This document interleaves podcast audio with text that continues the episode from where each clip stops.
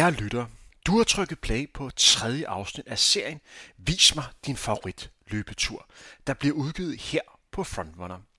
Over 12 afsnit vil vi sætte fokus på danskernes løbeglæde. Du kan glæde dig til at møde 12 forskellige danskere, som alle er kendt fra et andet erhverv, men som har fundet glæden ved løb. Glæd dig til at høre, hvad løb giver dem, og hvordan de kan bruge løb i forbindelse med deres arbejde. Konceptet er, at jeg svært undertegnet Henrik Thiem løber gæstens favoritpas, inden de trykker på optag-knappen og snakker om dagens træningstur samt meget mere. I langt de fleste episoder er det muligt at løbe gæstens favoritpas. Det kommer til at foregå i det, som vi kalder real time. Det vil sige, at du kan høre denne udsendelse og samtidig blive guidet i, hvad du skal gøre. Lyder det ikke bare super spændende? Bemærk, at vi altid starter med en intro, hvilket er det, som du hører lige nu, inden vi beder folk om at komme i gang med at løbe. Du kan jo passende starte med at gå lidt. Det er en rigtig god måde at få kroppen i gang, inden man skal ud og løbe.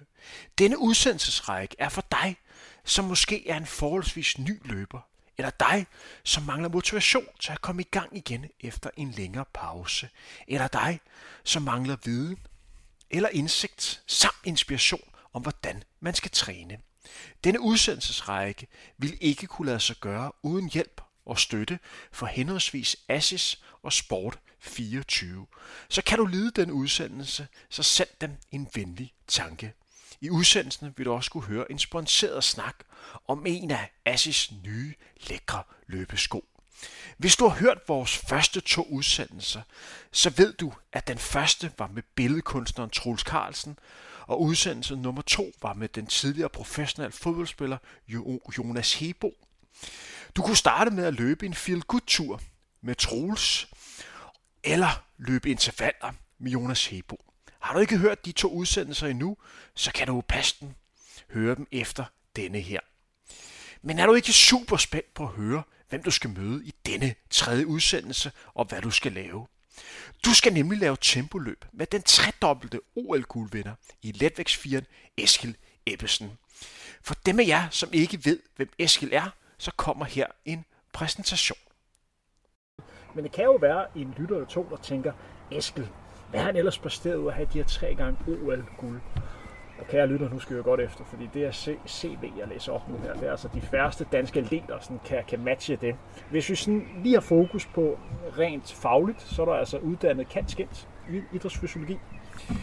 Og så har der altså de her tre olympiske guld, 1996, 2004 øh, og 2008. Derudover har der to bronzemedaljer, 2000, 2012.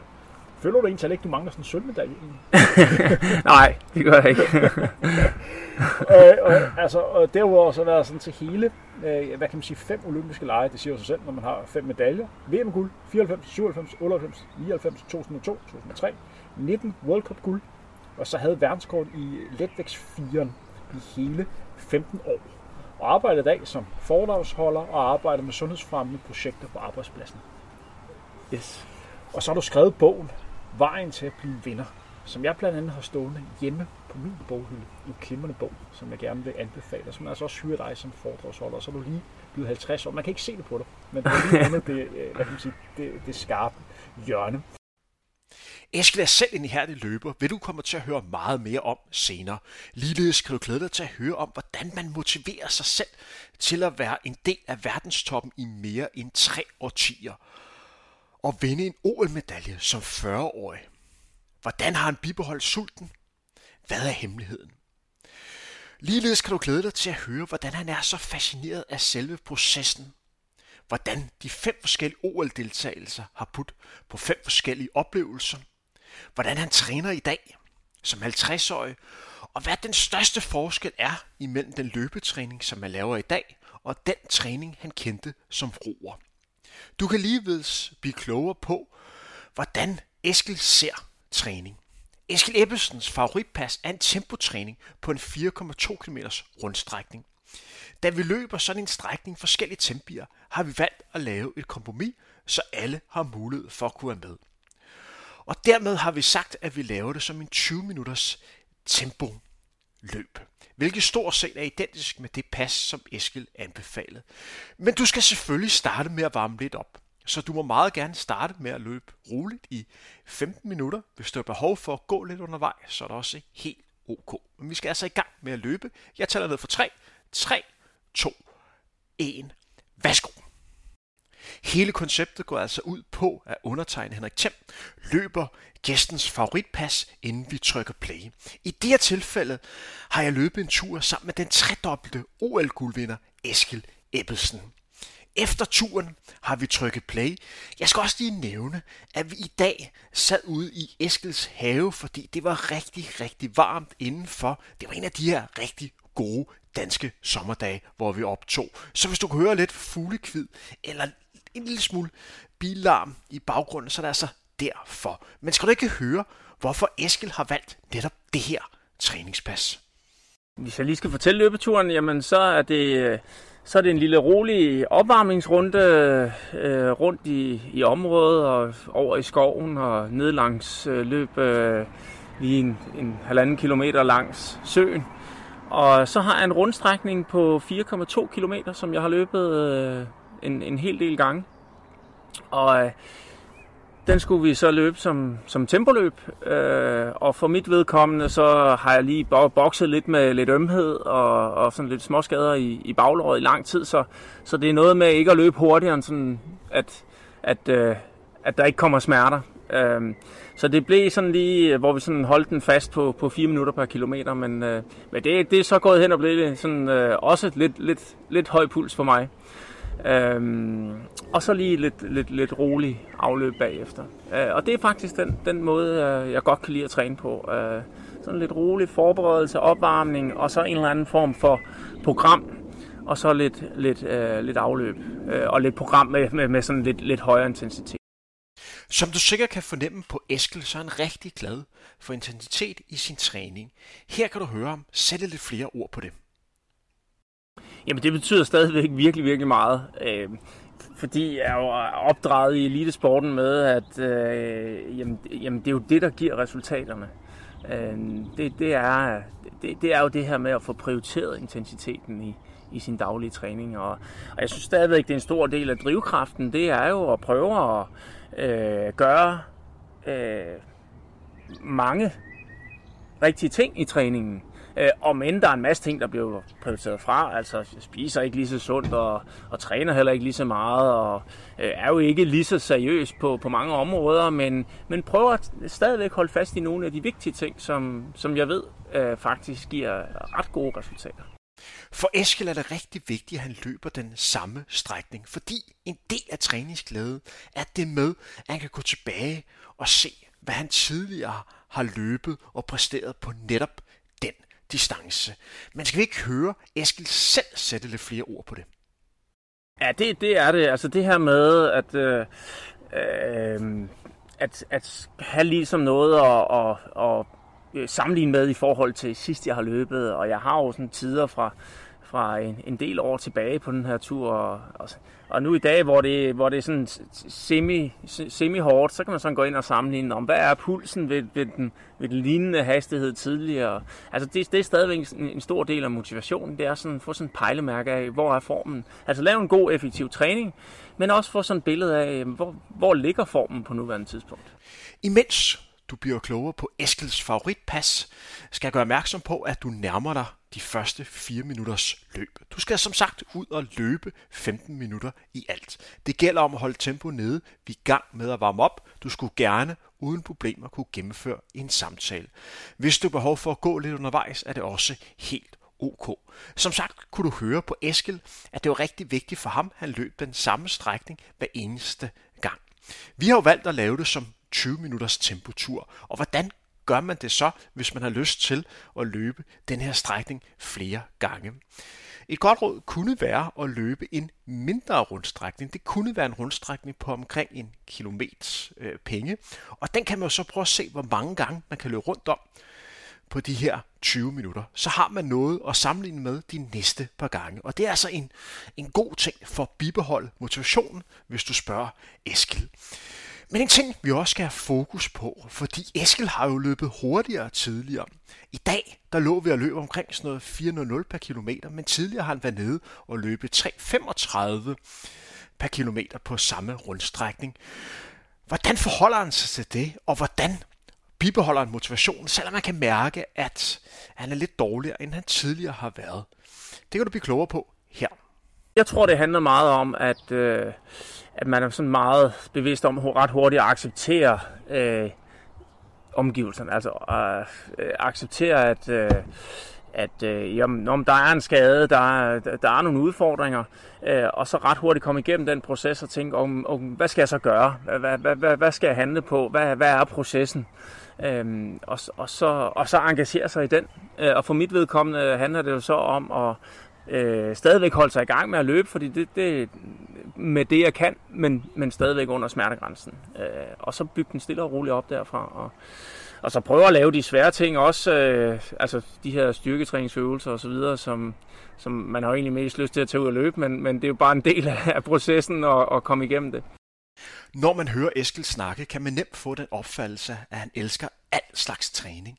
Men synes han virkelig, det er sjovt at lave de her skadesforbyggende øvelser? Jeg kan nævne, at jeg igennem årene har mødt rigtig, rigtig mange løbere. Og det er de færreste, der synes, det er sjovt og motiverende at lave lige præcis de her skadesforbyggende øvelser. Altså, der er nogle styrkeøvelser, jeg synes, det er meget sjovt øh, at, at blive stærk i, og, de her ting. Men, men nej, altså i bund og grund, så, så er det jo et nødvendigt onde for at, at kunne lave det, jeg rent faktisk gerne vil. Eskild Ebbesen har altså været en del af den danske guldfire igennem flere årtier. Men selve navnet guldfiren er det ikke den største presbold, man har oplevet i dansk elitesport igennem tiderne. Hvordan kom navnet egentlig frem? Jamen, det, det kom efter, vi vandt OL-guld i øh, 96. Øhm, dansk roning har jo ikke vundet en olympisk guldmedalje i 32 år. Øh, så, øh, øh, og, og dengang, der var det også en, en tung fire, der hed Bombefiren. Øh, og vi blev så kaldt, kaldt Guldfiren. Så det var jo pressen, der startede det. Og, øh, og så er det jo så et, et, et navn, der har fulgt med. Øh, og, og de efterfølgende tre verdensmesterskaber, altså i, i 97, 98 og 99, der vandt vi jo rent faktisk også OL, øh, ikke, o, verdensmesterskabet og blev verdensmestre. Øh, så det var jo en, en periode, hvor, hvor vi... Øh, hvor, hvor vi vandt, ja, vi vandt faktisk også alle World Cup løb i den her periode. Så det var jo, det var jo nærmest fire år, hvor vi var ubesejret og, øh, og så skal der jo følge et eller andet navn med. Men, men ja, det har været en presbold. Øh, men det var, jeg kan jo huske, at, at det var enormt vigtigt, at vi også taklede det her rigtigt. Og for, for mit vedkommende handlede det meget om at sige, ja, der er et, et, et ydre pres og nogle ydre forventninger. Øh, men vi skal jo ikke lade os friste af, at, øh, at øh, når vi, vi skal vinde. Altså fordi vi er jo klogere end det. Vi ved godt, at vores resultater er en funktion af alle de valg, vi tager i dagligdagen. Den seriøsitet, øh, den, den viljestyrke, vi kaster i vores træning i forhold til at presse os og øh, holde fokus på teknikken og samarbejder. Altså at, at, at det er de daglige øh, benchmark og, og, og indsatser, som, som, som afgørende. Og den forståelse, synes jeg ikke omverden øh, havde eller har øh, nærmest i, i, i samme grad som vi havde. Så så, så det var sådan øh, det var sådan altså det pres vi havde øh, synes jeg i hvert fald jeg havde på mig selv også øh, var, var, var større end, end, end det der var ude. Så, så, så det var ikke øh, altså så det fyldte ikke.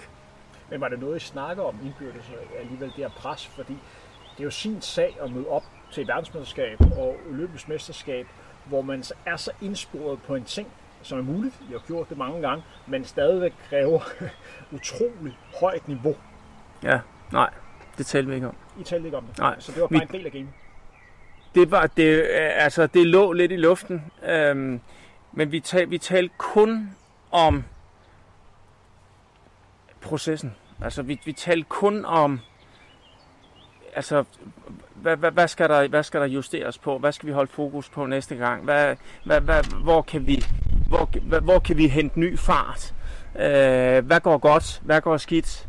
Øh, det, det var det, der fyldte alt.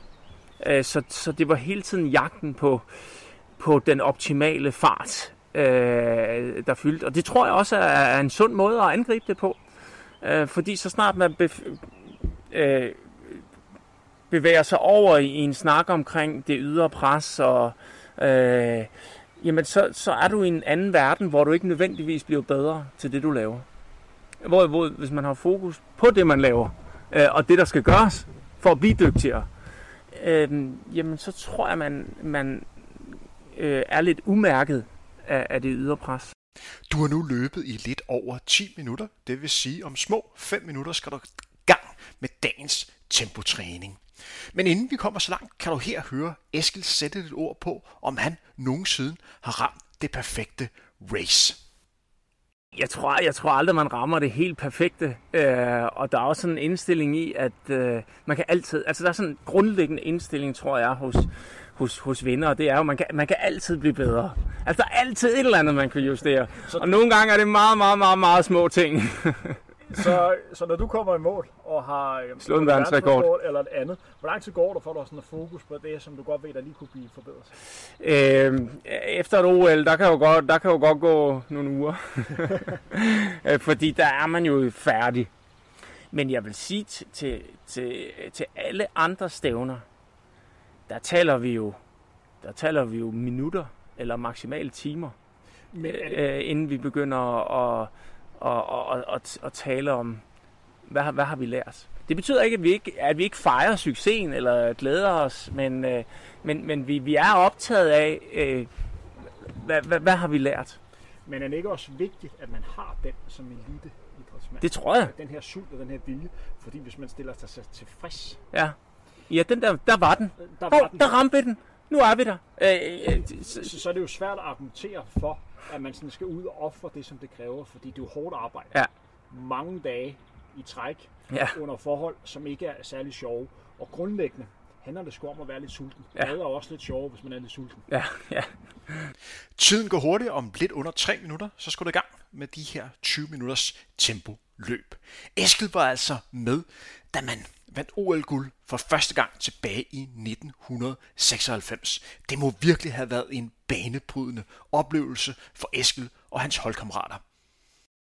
Jamen, det, det, det er jo, som du siger, det, det var banebrydende. Altså, vi havde ikke, det var 32 år siden, øh, der var vundet en olympisk guldmedalje. Øhm, og øhm, vi havde, vi havde en super træningslejr. Altså, vi, vi, havde, vi var jo blevet verdensmester i 94. Så allerede der er det jo en god indikation på, at øh, nå, altså, der er altså nogle muligheder. Og vi havde jo i øvrigt også sat verdensrekord. I, så I mødte op til OL med den klare forventning om, at I skulle vinde det, øh, det gjorde vi, men det skal også lige til historien melder sig også, at vi blev nummer to i 95. Og blev altså slået af italienerne. Øhm, og øh, der sker så også det, at, at, at altså, kan man sige, selve OL, altså nej, altså, jeg tror, det, og det er også vigtigt ikke at komme i en position, hvor man tænker, at vi skal være olympisk mester. Altså, øh, altså man kan godt tænke, vi har muligheden, vi har en virkelig god mulighed for at blive olympisk mester. Det er bare ikke det samme, som det kommer til at ske. Fordi hvis, hvis, hvis man er så overbevist om, at det kommer til at ske, så tror jeg ikke på, at man er skarp nok. Jeg tror ikke, man er skarp nok øh, på alle de små processer, og, øh, og at man er sulten nok, men, men også at man, ikke, man er simpelthen ikke skarp nok på, på alle de detaljer, der skal være på plads, øh, og den vilje, der skal lægges i det, helt til, til sidste årtag. Øh, hvis, hvis ikke man har respekt for, for alle, alle de indsatser og den koncentration og den energi, der skal lægges i det. Øh, og det, det kan jo hurtigt blive en mental hvilepude, hvis man, man tænker, hvis man går lidt for meget over i den tanke, der hedder, øh, jamen det er jo os, der skal vinde. Du skal nok komme til at høre meget mere til Eskil om, hvordan det var at vinde de forskellige OL-medaljer. Man kan mærke det. Vi skal snart i gang med de her 20 minutters tempoløb. For du har nu været i gang i 14 minutter, og det vil sige, om under et minut, så skal der så altså starte på de her 20 minutters tempoløb. Når man løber tempoløb, så er det rigtig vigtigt lige at nævne, at vi snakker altså ikke om, at du skal ud og løbe 20 minutter for fuld smadder. Nej, det handler om at finde et tempo, som du føler dig komfortabel i. For en skala fra 1 til 10, så skal du nok ligge på sådan 8 stykker. Måske 8 pil op. Med andre ord, du skal ramme et tempo, hvor du føler, at du måske er i stand til at kunne holde det, lad os sige 5 eller 10 minutter mere. Så vi skal rigtig meget arbejde med den gode fornemmelse. Er du tvivl om hastigheden, så måske start lidt roligere ud, end du normalt ellers vil gøre. Men nu skal vi snart tage i gang. Jeg tæller ned fra 5, og så skal vi altså ud og løbe de her 20 minutters tempoløb. 5, 4, 3, 2, 1. Værsgo og sæt tempoet op. Imens du forhåbentlig er godt i gang med de her 20 minutters tempoløb, og husk nu, pas nu på med ikke at løbe for stærkt. I starten kan du her høre Eskel sætte lidt ord på, hvordan det var at stå med en olympisk guldmedalje, og så bibeholde motivationen. Hvad er det, der driver en for at komme ud og træne, når man har opnået det, som måske er det aller, aller største for en elitesportsmand? Ja, og, og øh, og, og det var netop det der med, at jeg havde jo ikke sådan forestillet mig, at jeg skulle ro til at blive 40 på det tidspunkt. Altså jeg, havde, jeg vidste faktisk ikke engang, om jeg skulle fortsætte efter OL. Alt havde handlet om at blive klar til den her dag.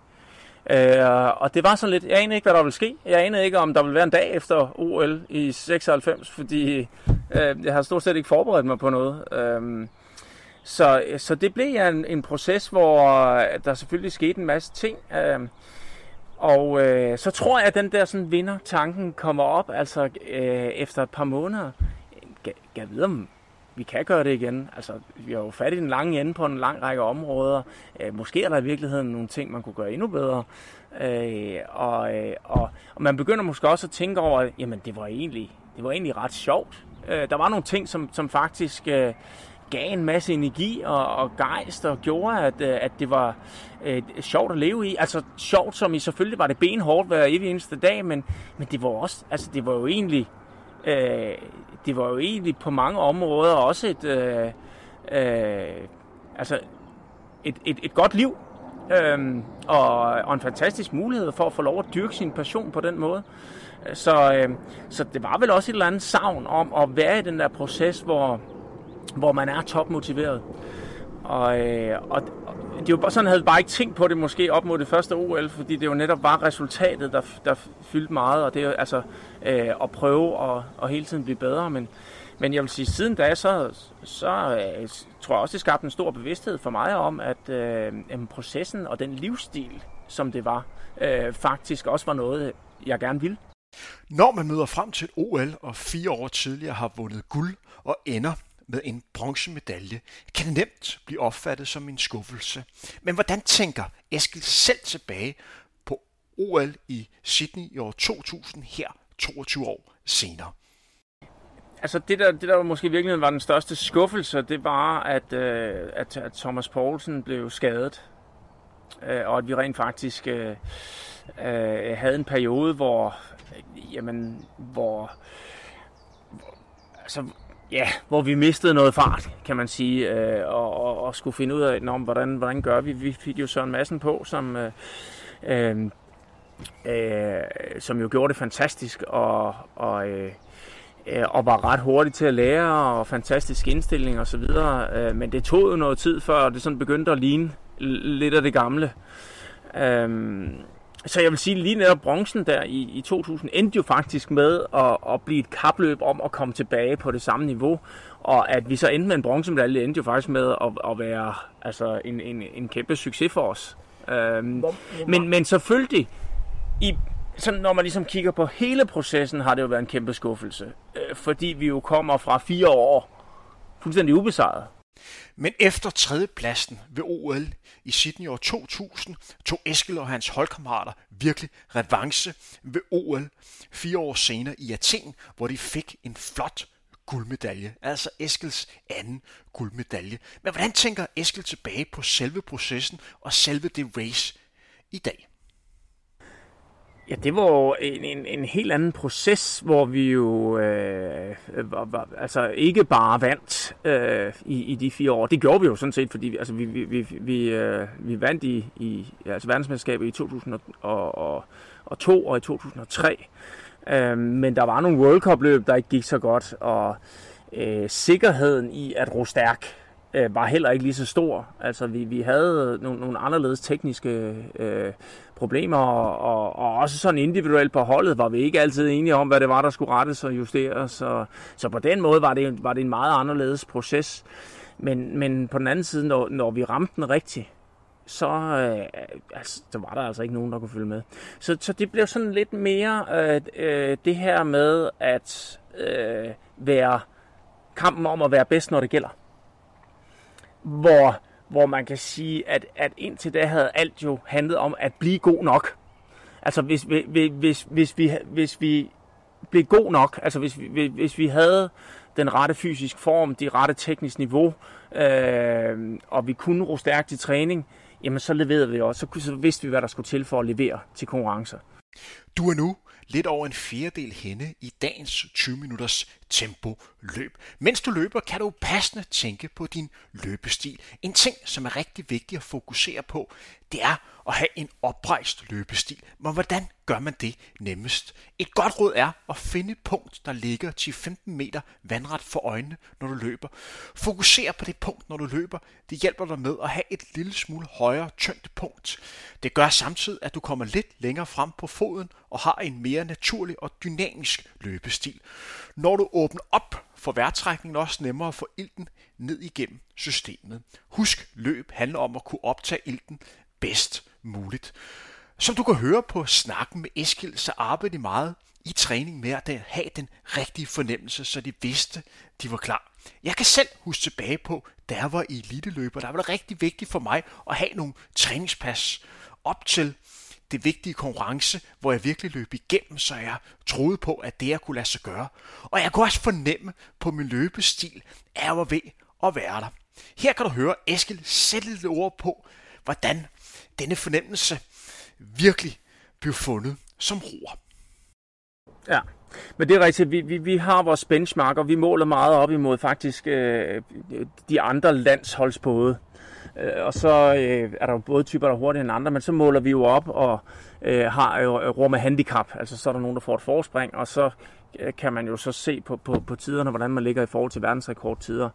Øh, og det giver et benchmark. Og du har fuldstændig ret, det handler jo ikke kun om at vinde øh, eller, eller få de hurtigste tider. Det handler også om, om måden, man gør det på. Altså har der været en god rytme?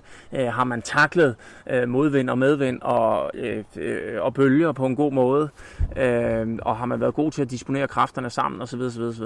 Så, så, så, så så det der med at, at være god nok, det, det var en ting, men, men for at vende tilbage til 2004, så havde vi også bare oplevet, at, at øh, vi mange gange, når vi ramte den, jamen, så rodede vi rigtig, rigtig stærkt, men det var bare ikke sikkert, øh, altså nogle gange så gik der nogle ting galt i, i, i løbet, altså man disponerede helt forskelligt, eller, øh, eller ramte pludselig ikke teknikken på samme måde lige i selve løbet. Øh, og det gav jo no, no, noget usikkerhed og nervøsitet på et helt andet niveau, Øh, men heldigvis, så ramte vi den bedre end nogensinde i Athen. Du nærmer dig nu 8 minutters tempoløb. Jeg håber, du føler dig godt løbende. Husk, at når vi laver de her 20 minutters tempoløb, så er det rigtig vigtigt, at du holder et højt tempo, men du skal ikke ligge og løbe maksløb. Du skal gerne have en eller anden form for overskud, ligesom Eskil sagde i starten. Det næste, du skal høre noget om, det er Eskil, der sætter lidt ord på, hvordan det er at være en del af en hold. Nu skal du tænke på, at Eskil er en udpræget vinder, som du garanteret allerede har lagt mærke til. Men hvordan er det for ham at have tre andre på sit hold, som man er afhængig af, for at tingene kan lykkes? Øhm, jamen, det, det er jo sådan en disciplin, man bliver nødt til at dyrke. Øh, altså, altså, altså, at man, man dyrker præstationen som et hold.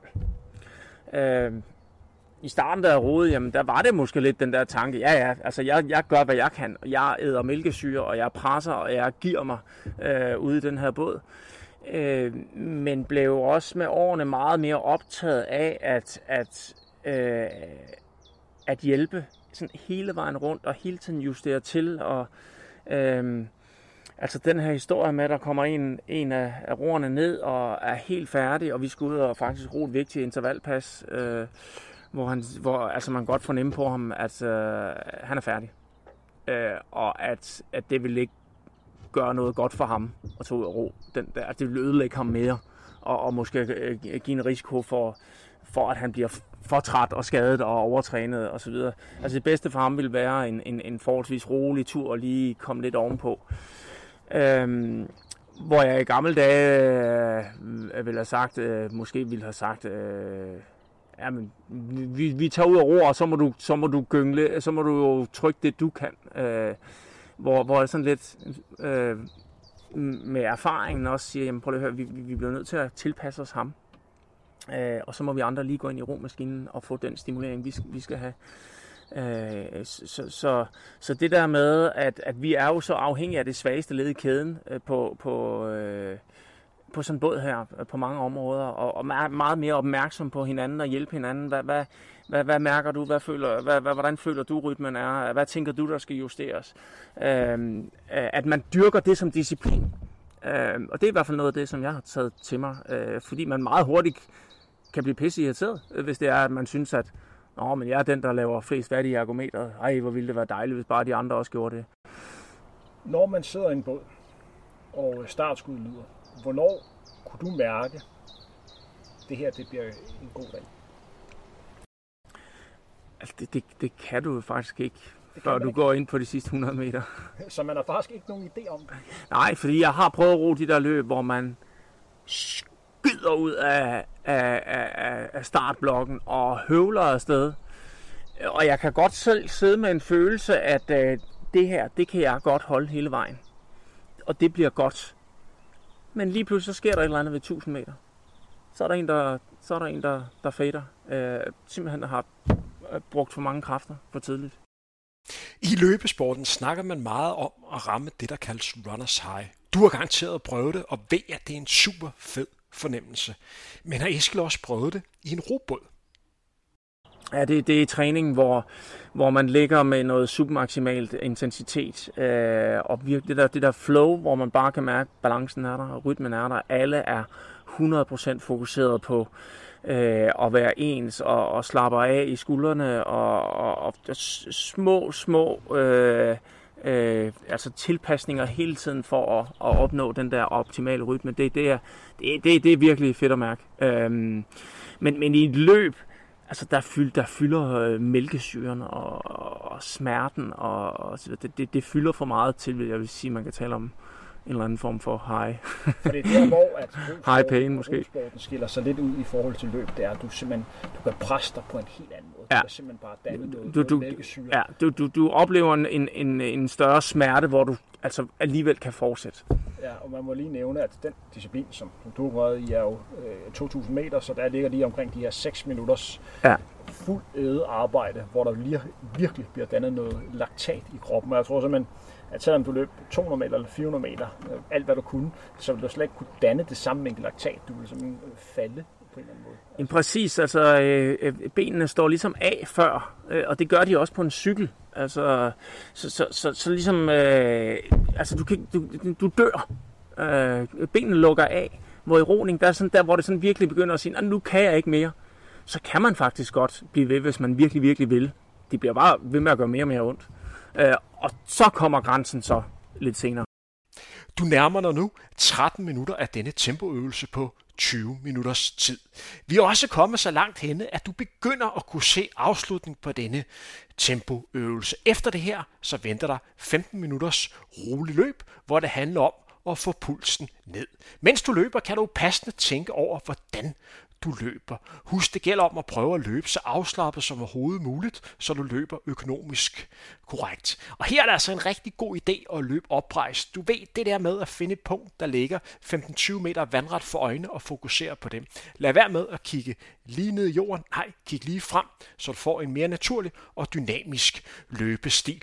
Det næste, du skal høre, om for, for Eskils side, er, hvordan de forbereder sig op imod et OL. Man skal være opmærksom på, at OL bliver jo afviklet hver fire år, og man opererer med det, man kalder det olympiske jul, hvor man året efter et OL går lidt ned i træningsmængder, så gradvist bygger op. Her kan du høre Eskil sætte lidt mere ord på, hvordan det var for ham.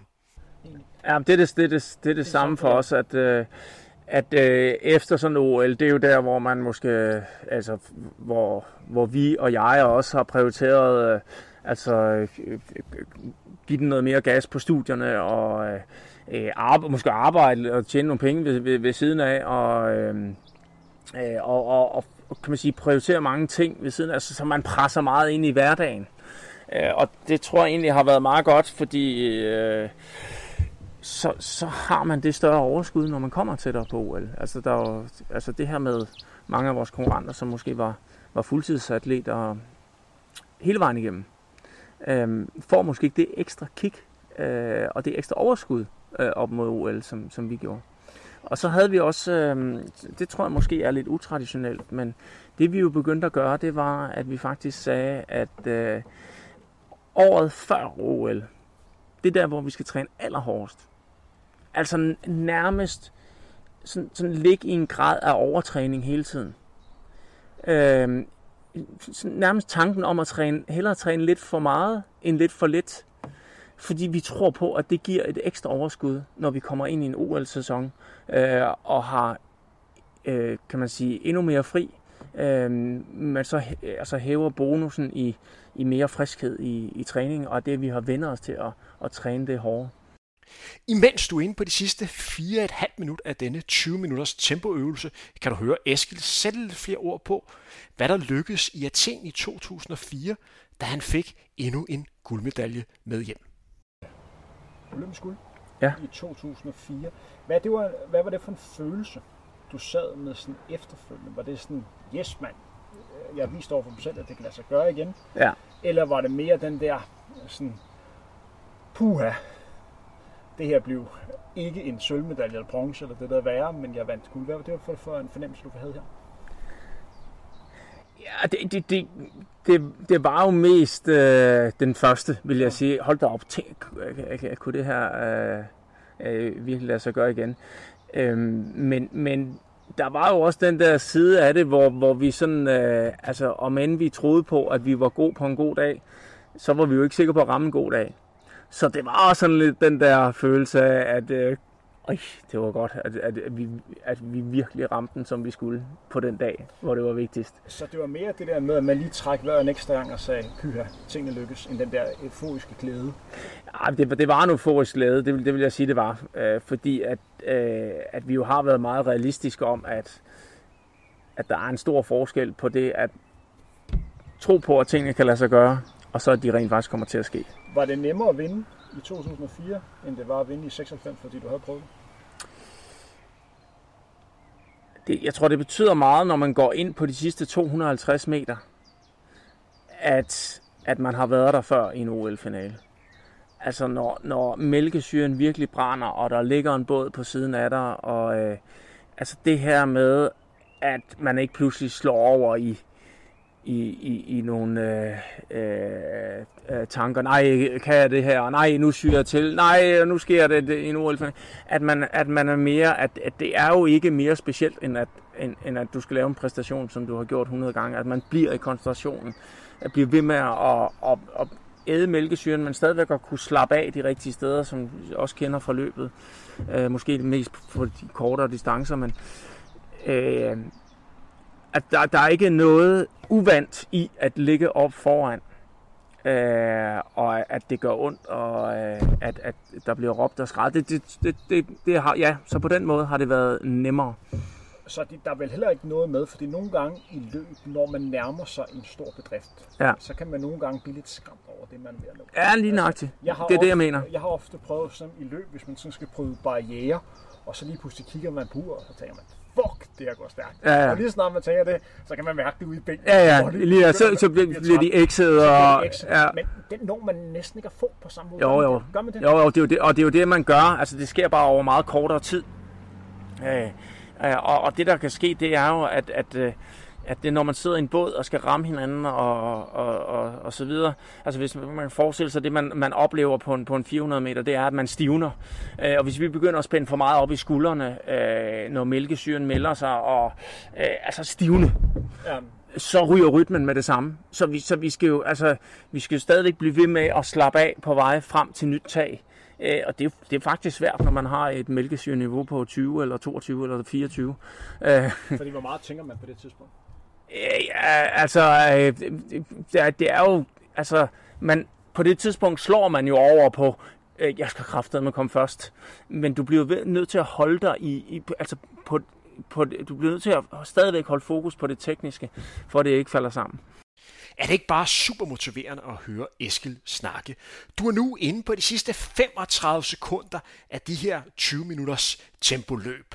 Vær opmærksom på, at efter de her 25 sekunders løb, så skal du altså gå direkte over i rolig løb i 15 minutter. Og her er det altså rigtig vigtigt, at du løber betydeligt langsommere, end du lige har gjort.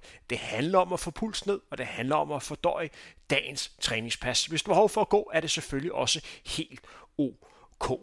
Vi nærmer os det sidste stykke. Der mangler 5 sekunder. Jeg begynder at tage ned. 5, 4, 3, 2, 1.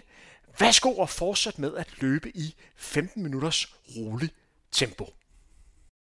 Imens du løber i roligt tempo i 15 minutter, og jeg vil igen understrege, det er altså helt ok, hvis du går lidt af tiden, kan du her høre, hvordan det var for Eskil at vinde endnu en guldmedalje i 2008. Hvordan adskilte sig denne guldmedalje for de to andre, han har vundet? Det, det, det, det var øh, på mange måder anderledes øh, fordi øh, øh, øh, altså man kan sige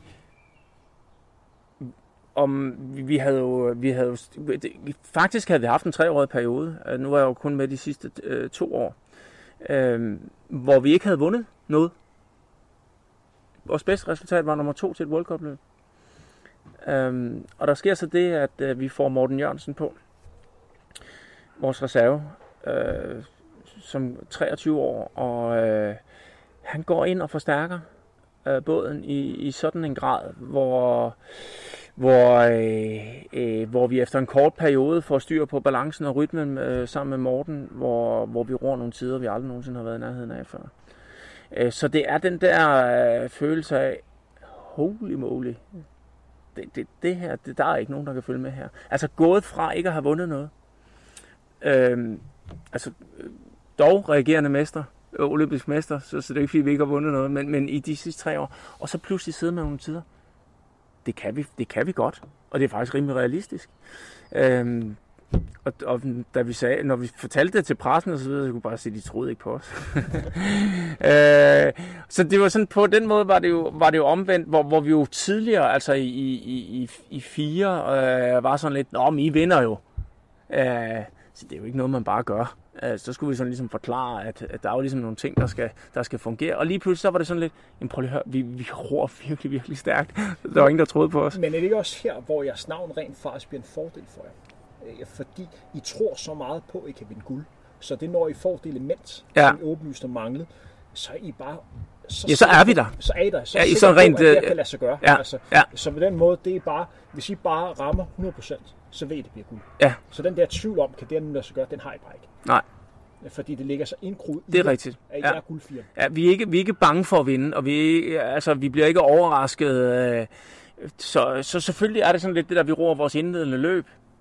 Og øh, øh, hvordan er det at virkelig sidde i den presbold, som det er at sidde i en OL, øh, eller til OL, også selvom det er det indledende. Og der går vi ud, og vi vinder, og vi roer hurtigste tid. Øh, så der, der, der er det sådan lidt, yes, altså, det var den overbevisning, vi havde, men den er også blevet retfærdiggjort. Altså nu er indledende jo bare det indledende, det kender vi.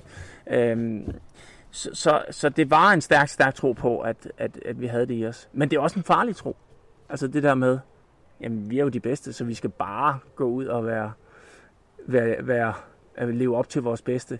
Altså der er, der, sådan er det jo ikke i praksis. Altså det er jo hele tiden den der med at, at holde tankerne på skarpe på alle de små detaljer, der nu skal til for at, og øh, øge, øge sandsynligheden for, at man leverer på toppen af det, man har trænet sig op til. Fordi man bliver vel også på en eller anden måde lidt bange for, at man ikke får gjort det godt nok, og man ikke lige får de sidste ting med. Ja, ja, øh, præcis.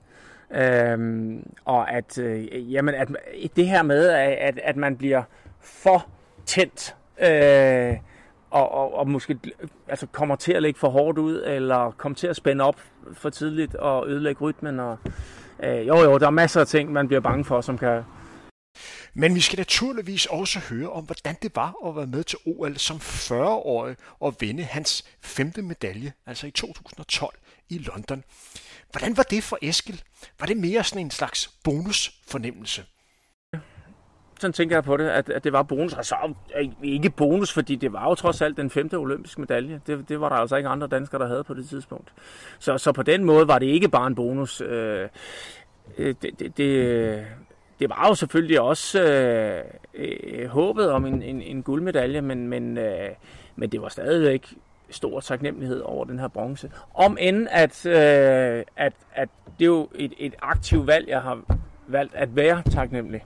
Fordi at, øh, altså man kan sige, at måden det skete på, gjorde, at, at det var måske ikke den naturlige tanke, når man ligger og fører løbet øh, hele vejen, og, og lige bliver overhalet på de sidste 30 meter. Hvad skete der der til sidst? Øhm, altså, der, der sker jo det, vi lægger, vi, vi lægger hårdt ud og, og, og styrer løbet, og, og ja, altså hvad sker der? Altså mælkesyren, mælkesyren brænder, og, øh, og ja, altså der bliver måske, en, der bliver måske stivnet en lille smule øh, på, på de sidste 100 meter, øh, som gør, at, øh, at rytmen lige mistes. Men, men ellers så, så var vi jo også op mod nogle, nogle hurtige hold. I denne udsendelse har der haft mulighed for at prøve at løbe tempoløb med den tredobbelte OL-guldvinder Eskil Ebbesen. Hvad betyder løbesporten egentlig talt for Eskil? Jamen for mig er det, er det jo øh, en af de sportsgrene, som har taget, taget meget over. Øhm, det, er, det er jo stadigvæk en sportsgren, hvor jeg kan bruge meget af min øh, erfaring fra roning. Altså det, man kan sige, 90% af, af tankegangen er jo det samme øh, altså omkring øh, øh, puls og mentalitet og, og livsstil, og det er altså være motiveret til at gøre det, og øh, det handler om at, at, at, at lave intervaltræning og øh, alle de der ting. Øh, og så øh, er det jo bare nemt, altså at komme ud og opleve naturen og holde sig i god form, og så er det jo stadigvæk en, en del af det for mig at præstere også. Altså, jeg dyrker jo stadigvæk noget triathlon, øh, og stille op i nogle konkurrencer en, en sjældent gang imellem, hvor, hvor løbet jo er en central del af det. Men hvad har den største åbenbaring været som løber? Hvad er den store forskel på at være løber og så sidde i en letvægts 4? Jamen det, det er, at øh, jeg fandt jo sådan ret hurtigt ud af, at, at løb, der øh, bliver det her med at blive skadet og for øm, øh, det bliver pludselig ret styrende hvor i, i romaskinen handlede det jo meget om virkelig at presse grænserne. Øh, der kan du jo sagtens gå ud og, og, og virkelig presse dig selv øh, til, til det yderste. Ja, og nogle gange har vi så sågar så gjort det allerede igen om eftermiddagen. Øh, hvorimod, at øh, hvis, man, hvis, hvis man gør det som, som utrænet i løb, eller, eller som let trænet, øh, jamen, til, også på elitniveau øh, er min erfaring, øh, at øh, jamen, så, så får du bare en for stor regning. Denne serie Vis mig din favoritløbetur er bragt i samarbejde med Sport24 og Assis. Og netop Assis har en ny, lækker løbesko på markedet. Vi snakker om Novo Blast 2, som er en fantastisk løbesko til dig, som ikke vil gå på kompromis med komfort og mangler en sko, der kan lidt af det hele. Jeg har selv løbet i denne nye løbesko for Assis, og jeg har bare et ord til den. Wow.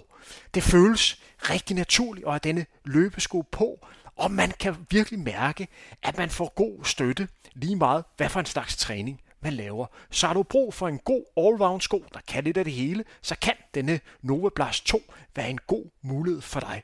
Og det er også en sko, som Eskil har fået mulighed for at kunne bruge. Og det første, han også lagde mærke til, det var den gode komfort i skoen. Det er nu 8 minutter siden, du stoppede med de 20 minutters tempoløb. Det vil sige, at du mangler 7 minutters afjog, og så er du færdig med dagens træningspas. Det næste, vi skal have fokus på, er, hvordan Eskil ser træning. Nu skal vi snakke lidt om, hvad for en skole du ligger i, sådan rent træningsmæssigt. Jeg har en god idé om, hvad det er, du øh, vil nævne. Men den klassiske eksempel, når vi snakker ud fra løbebriller, og så tager vi udgangspunkt i de to danske løbere, som var bedst i 90'erne. Vi fjerner lige Wilson Klikpeter fra den her linje her, men vi havde to løbere, Dennis Jensen og Carsten Jørgensen. Der var nogenlunde lige gode. Den ene havde løbet 13.25 på en femmer, den anden havde løbet på sekunder langsommere, men den anden havde løbet 27 53 på 10.000 meter, den anden havde løbet lige over 28 minutter. Men deres tider er sådan set ikke så interessant det her. Det er den måde, som de trænede på. Dennis lå og trænede 7 timer om ugen. Hvor 7 timer? 7 timer om ugen. Hvor at gennemsnittet på hans tur, han løb omkring 110, 120, 130 km Men turene gik i 3.10, 3.15, 3.20 heste. Så det var højintens arbejde. Han havde en 5 km fart, som var 2.40. Så det, det er stadigvæk med overskud, når han løber 3.10. Det er stadig med overskud, så han er stadig 30 sekunder fra. Jeg er sikker på, at der er mange, der hører med i det her program her, som ligger og løber endnu hurtigere Ja, forholdsmæssigt. I forholdsmæssigt. Ja. Men det er stadigvæk stor belastning, Ja. han, han byder, øh, byder kroppen. Og så havde vi så Carsten, der ikke træner på kilometer, men træner på timer. Ja. Han lå og trænede 25-30 timer om ugen. Ja. Og det var sådan, han lå så mange kilometer, han kunne slet ikke overskue at have styr på det. Så det var simpelthen at have sådan tre timer den ene dag, og så to timer den anden dag, og så to timer om morgenen, og nogle gange to timer eftermiddagen. Han har også træningsplads, hvor han mødte op og trænet med grupper, der løb rigtig, rigtig langsomt, for simpelthen at holde farten nede, Ja. for at han sådan kunne få den her volumen op. Ja. To løber, som har det samme sportslige niveau. Den ene træner 7 timer om ugen, den anden træner tæt på 30 timer om ugen. Ja.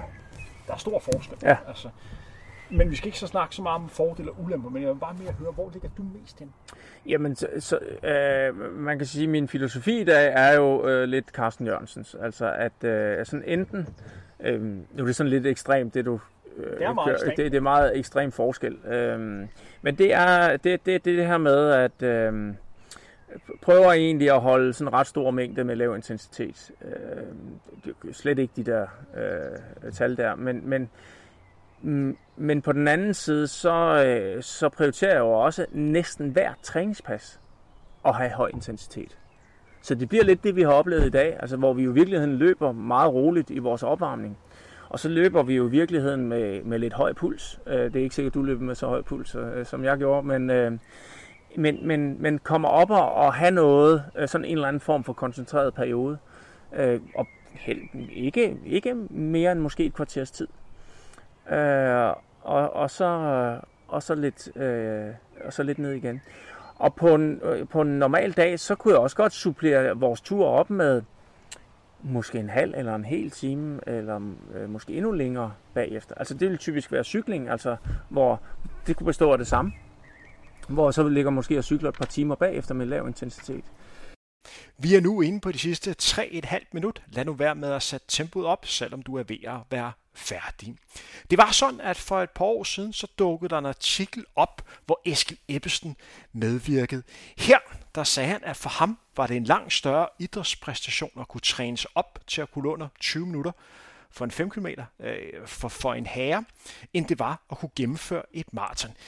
Det citat bliver jeg selvfølgelig nødt til at spørge ind til igen. Også for at høre, om han muligvis har ændret holdning. Nej, det har jeg bestemt ikke. Øh, forstået på den måde, at jeg tror jo rigtig mange, uden at være i særlig god form, kan gennemføre et maraton. Fordi de ligesom har givet så meget op til, til den her dag. Ikke at man nødvendigvis løber hele vejen, men du kan godt gennemføre et maraton. Så det kan godt være, at det tager øh, 6 timer eller øh, 7 timer for den sags skyld. Altså hvor man går lidt og løber lidt og går lidt. Altså det, det, det, det, det er der jo rigtig, rigtig, rigtig mange mennesker, der kan. Øh, også selvom man ikke øh, træner særlig meget i sin hverdag eller lever særlig sundt. Hvorimod skal du kunne løbe 5 km på 20 minutter, så skal, så skal du have en forholdsvis seriøs hverdag. Altså, du bliver næsten nødt til at være normalvægtig. Du bliver næsten nødt til at, at, at have jævnlig øh, konditionstræning og, øh, og, og gå lidt op i din, din daglige livsstil. Øh, ellers så skal du virkelig være et stort talent.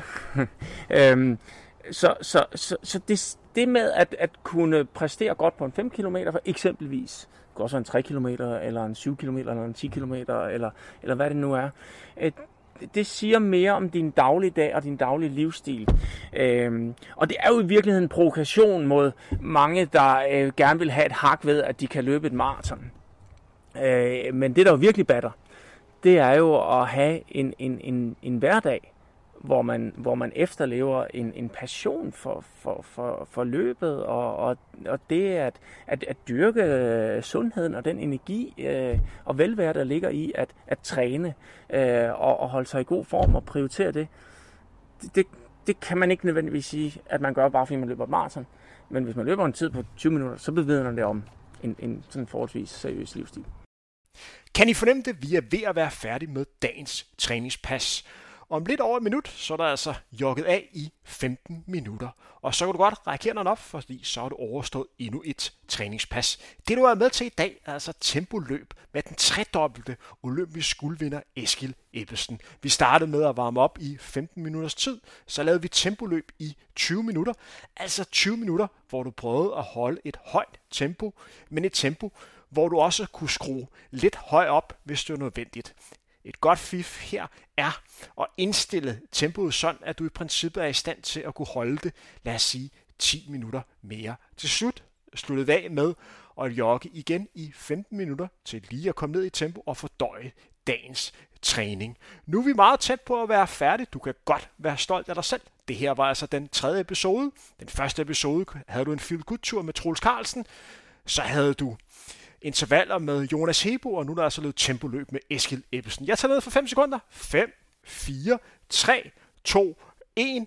Hænderne op i vejret. Tillykke med det. Du har gennemført dagens træningspas, hvor du altså har løbet tempoløb med den tredobbelte olympisk guldvinder Eskil Ebbesen. Men skal du ikke høre, hvordan det var, da jeg afsluttede samtalen med Eskil og spurgte ind til, om man altid vil dyrke idræt? Jo, det håber jeg. Øh, selvfølgelig kan der være nogle omstændigheder, men, men øh, det, det er en ambition i livet, absolut. Og øh, hvis vi skulle have en løbetur igen om 10 år, som jeg håber, hvor tror du, du hen med? Jamen det kan være, at vi skal løbe den samme tid. Eller undskyld, øh, det kan være, at vi skal løbe den samme tur. Så må vi se, hvad tiden bliver. det bliver spændende. Du har netop hørt tredje episode af podcastserien Vis mig din favoritløbetur med den tredobbelte OL-guldvinder Eskil Ebbesen. Udsendelsen er bragt i samarbejde med Sport24 og Assis. Tak fordi du hørte med.